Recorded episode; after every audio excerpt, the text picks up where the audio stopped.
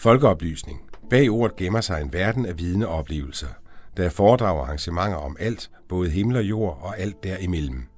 Men hvad nu, hvis der er et spændende foredrag i Skagen, og du bor på Falster, eller du bor i Haderslev, og der bliver afholdt et arrangement i Roskilde, om lige netop det emne, du interesserer dig for?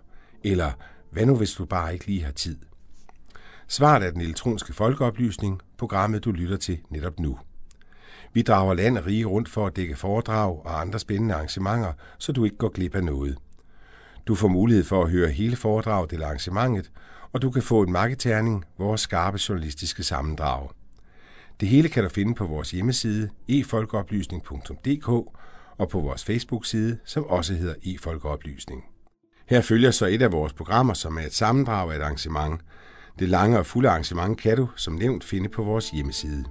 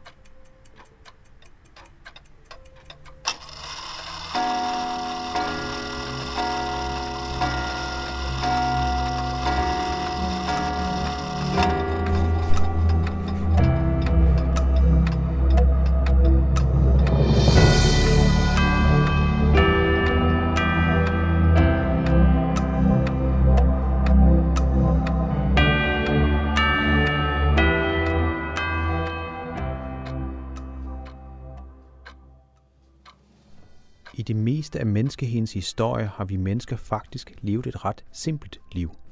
Vi jagede, samlede bær og fiskede, når det var muligt. Sådan levede vi i umindelige tider og overlevede endda den ene istid efter den anden.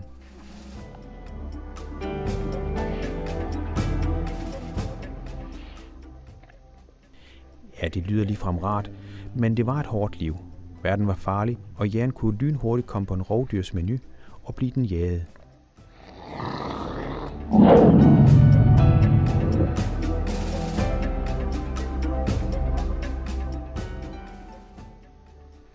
Stillet over for et farligt dyr skulle menneskene så dengang lynhurtigt beslutte sig.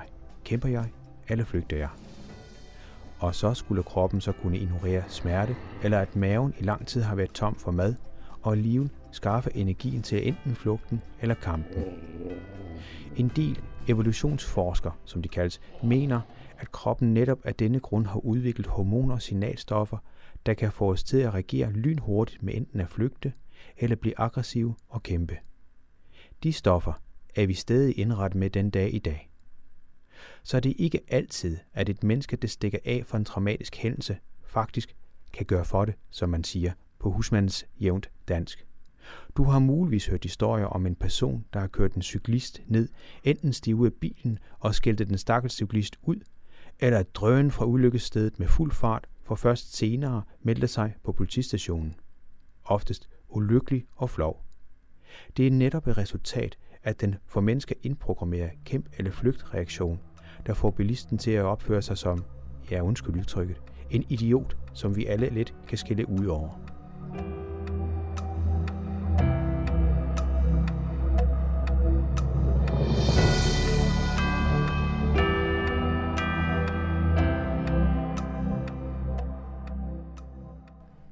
Det med, at kroppen kan sættes i alarmberedskab, var med til at sørge for, at vi som art overlevede alskens fare.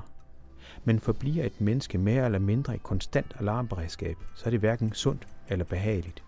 I dag kalder vi det for stress.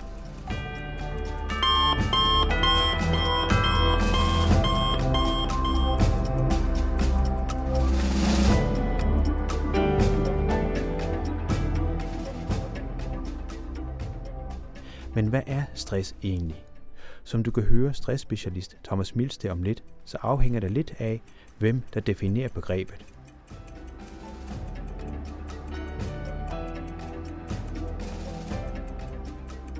Det, det, altså stress har jo førhen været et medicinsk felt, og nu er det blevet mere et psykologisk felt. Men man kan sige, at hvis du tager det medicinske felt, så er stress jo relativt klart defineret i forhold til noget konkret, du kan måle, ikke? i forhold til stresshormoner, blod, spyttet og urin. Hvis du tager det ud fra en mere psykologisk betragtning, så, så bliver stress mere defineret som, som en oplevelse af manglende overblik, øh, overskud, øh, det at kunne nå ting osv. Så, så ud fra en psykologisk betragtning, der, er, der er stress noget oplevelsesorienteret. For en medicinsk, der er det sådan ret konkret. Men der er jo mange, der tror, de har stress, fordi de er stresset. Hvordan ved man egentlig, om man har stress, eller om man bare er stresset? Om du, du, du, altså har du stress, så er du stresset. Det, det er det samme. Og det vil sige, at der er nogle symptomer. Altså du kan blandt andet øh, formå dit blodtryk, du kan gå ind og, og mærke dit hjerteslag, at du har svært ved at koncentrere dig og huske. Øh, du har rigtig svært ved at sove. Så der er sådan en række af symptomer, der ligesom er fælles for dem, der har en eller anden form for stressproblematik. Ikke? Men man kan sige sådan, den umiddelbare kortvarige stress, hvor du måske lige bliver forskrækket af et eller andet bil, der er ved at køre dig ned, jamen det er jo bare sådan hele systemet, der sådan gør klar til kampflugt. Øh, og der er klart, der, der, der kører det helt op i det røde felt der, men det, men det falder jo lige så hurtigt ned efterfølgende. Så stress er jo meget harmløst som udgangspunkt, men det kan gå ind og blive rigtig farligt, hvis du sådan aktiverer det hele tiden mange timer hver dag. Ikke? Hvordan er det farligt? Jamen, det kan blive farligt, fordi stress jo på sigt har en nedbrydende effekt på immunsystemet. Ikke? Så hvis du er disponeret for nogle sygdomme, jamen, så risikerer du, at de ligesom bryder ud, og så er du, altså, har du så også nemmere ved at blive forkølet og få influenza. Det er ikke fordi, der er nogle sygdomme, der er direkte forbundet med stress, men det er simpelthen fordi, dit immunsystem bliver sværere, hvis du har stress igennem længere tid. Øhm, er der nogle tal på stressudvikling? Altså man får fornemmelsen af, når man læser damebladet, at øh, alle har stress, og det er flere og flere, der har stress. Ja. Altså det, der er problemet, er jo, at måden, du undersøger tingene på i dag, er jo ved at spørge folk. Så alle, der siger, de er stresset, er med i statistikkerne. Men vi kan reelt ikke sådan helt vide, om det så holder. Ikke? Men jeg tror, at hvis vi siger omkring de der 10-15 procent af befolkningen er udfordret af stress, så, så tror jeg ikke, det er helt øh, galt. Jeg tror ikke, det er mere. Altså vi er slet ikke ude i, at det er en folkeproblematik på den måde. Er der stigning, tror du? Ja, det er der i hvert fald noget, der tyder på i forhold til det, at folk oplever det, men det er en meget lille stigning. Øh, men til gengæld ser vi en meget markant stigning blandt de psykiske konsekvenser, altså udover stress, øh, altså som angst og depressioner, de, de er meget stærk vækst, også i relation til, øh, til arbejde. Ikke? Men selve stress, det, vi, vi snakker ikke om, at det ekskalerer, men der er faktisk en lille stigning fra, fra undersøgelse til undersøgelse, så, så det går den forkerte vej, kan man sige, men det går langsomt. Det er med også sagt, at stress kan være den uløsende faktor for både depression og angst. Altså stress er jo på længere sigt noget, der kan give generaliseret angst. Øh, det her med, om hvorvidt du får en depression, det, det diskuteres jo, fordi skal du være disponeret for det. Men der er noget, der tyder på, at, at i hvert fald hele den, den kemiske reaktion i hvert fald godt kan lægge kimen til det, at, at udvikle en eller anden form for, for depression. Ikke? Så det er jo ikke fordi alle, der har stress, bliver deprimeret eller oplever at få angst. Men, men der er i hvert fald en del, der gør det. Ikke? Er der kønsmæssig forskel på det?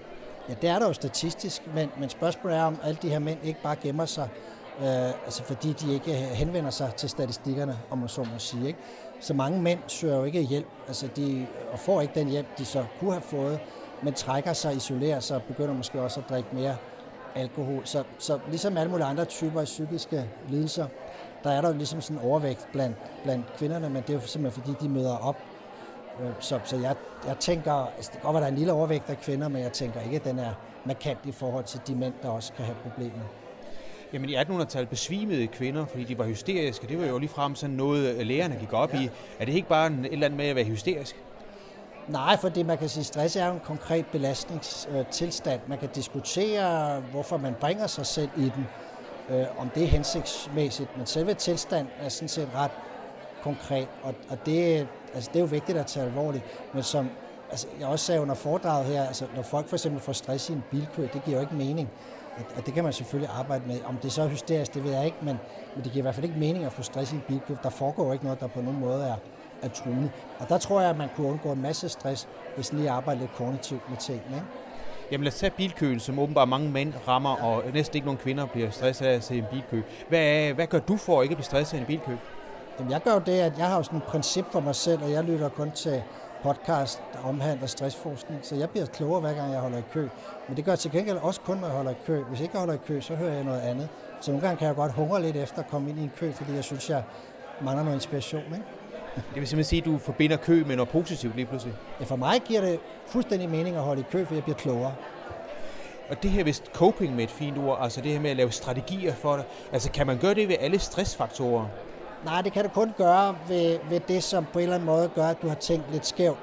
Øh, men der er jo selvfølgelig belastninger, som, som altså hvis du bliver slået i hovedet med en hammer, eller hvis du får for lidt søvn, eller hvis du simpelthen bliver for, for hårdt belastet, altså fordi du arbejder for mange timer. Det er meget konkret fysiologisk, så der, det kan du ikke tænke dig ud af psykologisk.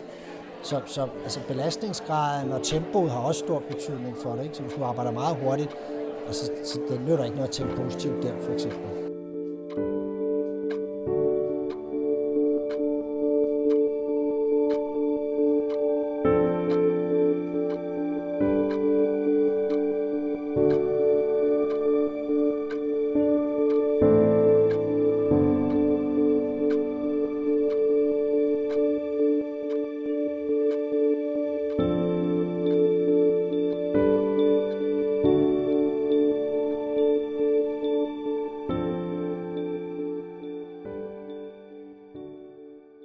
Sådan siger altså foredragsholder, forfatter og tidligere leder af Center for Stress og Trivsel, Thomas Milsted, da vi fanger ham i en pause under et af sine mange foredrag.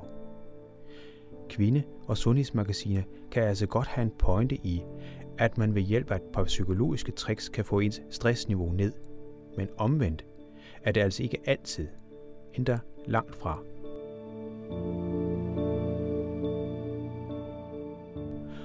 For er problemet søvnmangel, eller et for stort arbejdspres, så kan man altså ikke tænke sig ud af den belastning. Der er kun én udvej. Skru ned for blusset. Under Thomas Milsteds foredrag hos AOF Svendborg kom foredragsholderen ind på, at det er forskelligt, hvad en person kan klare. Der var for eksempel fanger i de frygtelige koncentrationslejre, som imod alle odds klarer sig igennem uden at lide nogen former af stress. I Thomas Milsteds bog Stresset Hvornår har du selv et ansvar? kommer overlæge Henrik Sten Andersen ind på det samme. Han arbejder på krise- og katastrofepsykiatrisk center i København. I overlægens daglige arbejde har han blandt andet mødt soldater, der har været udsat for særdeles voldsomme ting. Overraskende mange klarer skærende, mens nogle andre ikke kan tåle nøjagtigt de samme belastninger. I hvert fald når det gælder PTSD, altså posttraumatisk stresssyndrom.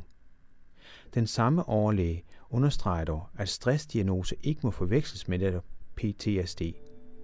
Dog tyder hans undersøgelse på, at nogle mennesker kan have indbygget en sårbarhed.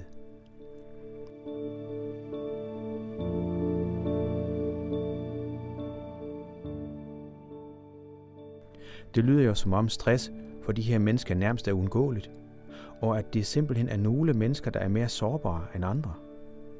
Men det har jeg åbenbart helt misforstået, for som det fremgår af Thomas Milsteds svar på det her spørgsmål, er det ikke noget med, enten så er man sårbar, eller så er man ikke sårbar? Nej, du, du, det er jo meget kontekstbestemt, så du kan være sårbar i nogle situationer og robust i andre.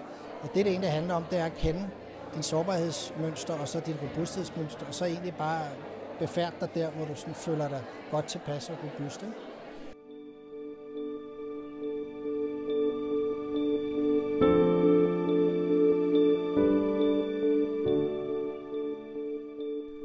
Sådan svarer Thomas Milsted. Forskellige mennesker kan altså klare forskellige ting. Vi har allerede hørt, at f.eks. mænd bliver stresset i en bilkø, mens kvinderne ser ud til at klare sig fint. Nogle mennesker kan ikke klare, når tingene går for langsomt. Andre bliver påvirket negativt, hvis de går for hurtigt. Det virker meget kompliceret og meget individuelt. Så det er vel klart, at det er svært at give en gylden opskrift, der virker for alle. Men jeg prøver alligevel at få en af slagsen frem med det her spørgsmål. Jamen, så går os over i, hvad vi selv kan gøre. Altså, hvad kan vi hver især gøre egentlig for at undgå stress, eller også at nedbringe den stress, vi måske allerede oplever? Jamen, jeg tror, mit, min øh, bedste råd, det, det er jo meget det her med at være opmærksom på, på antallet af de belastninger, man udsætter sig selv for. Og så i virkeligheden have et øje for det her med altså at forstå, at forudsætningen for at være aktiv er, at du også har været inaktiv. Så det her med hvile og god søvn, det, det vil jeg næsten sige var, var noget af det væsentligste. Som nummer to, så, så kunne det jo handle om, hvordan man sådan forholder sig til begivenheder, hvor man måske skulle arbejde lidt med at være mindre bekymret og lidt mindre sortseende i forhold til nogle negative konsekvenser. Altså, så man skal ikke tænke så meget at ting har en negativ konsekvens. Men nogle gange må man ligesom prøve at se, hvad sker der her, og så, og så tage den derfra. Ikke? Øh, men jeg vil sige primært det her med at få hvilet og, og få, få ligesom genopladet batterierne, det, det synes jeg faktisk er det væsentlige. Ja, du holder søndag fri. Kan du ikke fortælle lidt mere om det? Ja, søndagen, jeg holder pligtfri søndag. Det vil sige, jeg må ikke gøre noget, jeg ikke har lyst til. Så, så jeg bruger hele min søndag på kun at gøre ting, jeg har lyst til. Resten af ugen, der er jeg så forpligtet af de aftaler, jeg har. Ikke? Jeg, jeg lader mærke til, at du holdt uh, dit foredrag og netop nævnte det her med søndag, så var der mange, der grinede. Hvorfor er det i grunden komisk, at du giver dig selv fri? Ja, det undrer også mig, men jeg tror det altså et eller andet sted, fordi vi også er lidt skræmt af det der med at holde fast i et princip. Fordi det er også det, vi kan se med folk, der ikke øh, går ned med stress. De er meget principfaste. Øh, og der tror jeg bare, det er for mange. Det kan godt være lidt provokerende, det er sådan med, at jeg laver ikke noget, jeg ikke vil om søndagen. Hvor andre tænker, gud, men kan man godt det, og kan man det, hvad så? Og det kan man da ikke tillade sig. Og, men det kan selvfølgelig også være derfor, jeg er blevet skilt fire gange. Det skal jeg ikke kunne sige. Jeg skal også lige høre, at religion har jo indflydelse, kan jeg forstå. Ja. Jamen det kan det have i den betydning, at noget af det, der kan være meget væsentligt i forhold til det her med at få stress, det er tab af mening. Og, og man kan sige meget om, om hele det religiøse felt, men, men en stor væsentlig, en væsentlig del af det religiøse er jo det meningsgivende. Så man kan egentlig putte enhver hændelse over i Guds vilje. Så Guds vilje er det meningsgivende, og uanset hvad der tilregner dig, så er det hans vilje. Og det vil sige, at du har bevaret meningen intakt, selvom oplevelsen kan have været ubehagelig. Men hvis du på den måde oplever noget ubehageligt, og så samtidig ikke rigtig altså, kan skabe en mening omkring det her, så er det klart, så, så kan det bare tage længere tid at få det bearbejdet. Ikke?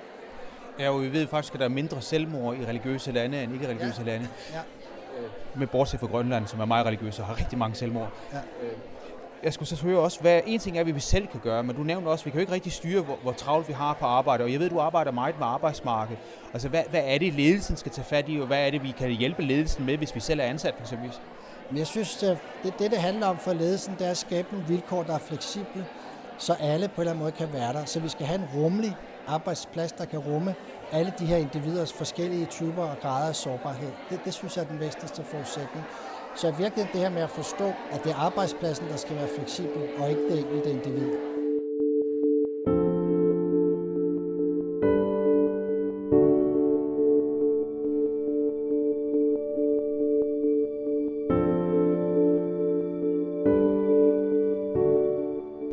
Sådan sagde altså den kendte stressspecialist, forfatter og foredragsholder Thomas Milsted. Vi kan så tilføje, at WHO i deres officielle papir fastslår, at mange hjertekarsygdomme skyldes stress. Med andre ord er stress altså en dødsensfarlig sygdom. Ifølge Sundhedsstyrelsens tal, så er andel af personer med højt stressniveau steget fra 20,8% i 2010 til hele 25,1% i 2017. Altså en samlet stigning på over 20% over de sidste syv år.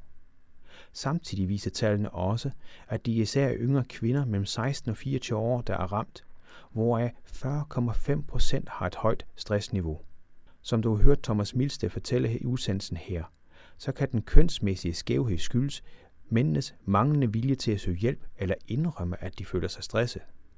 Ifølge det Nationale Forskningscenter for Arbejdsmiljø koster danskernes samlede mentale helbredsproblemer skønsmæssigt ca. 55 milliarder kroner årligt. I det tal indgår der alle psykisk relaterede sygemeldinger. Stressforeningen mener, at stress koster danske samfund 27 milliarder kroner. Vi lægger naturligvis links til tallene ud på vores hjemmeside, som her i folkeoplysning.dk. Der vil du også kunne finde et komplet foredrag med Thomas Milsted om det samme emne, samt mange andre spændende podcasts.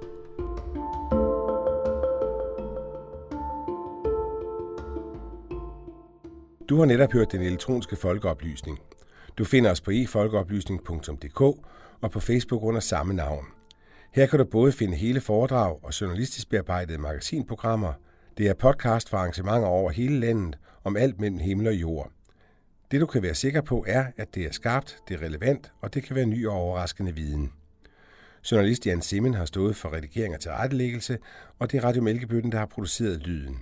Tovholder på projektet er SLR TV, mens det er Dansk Folkeoplysnings Samråd, der støtter projektet finansielt.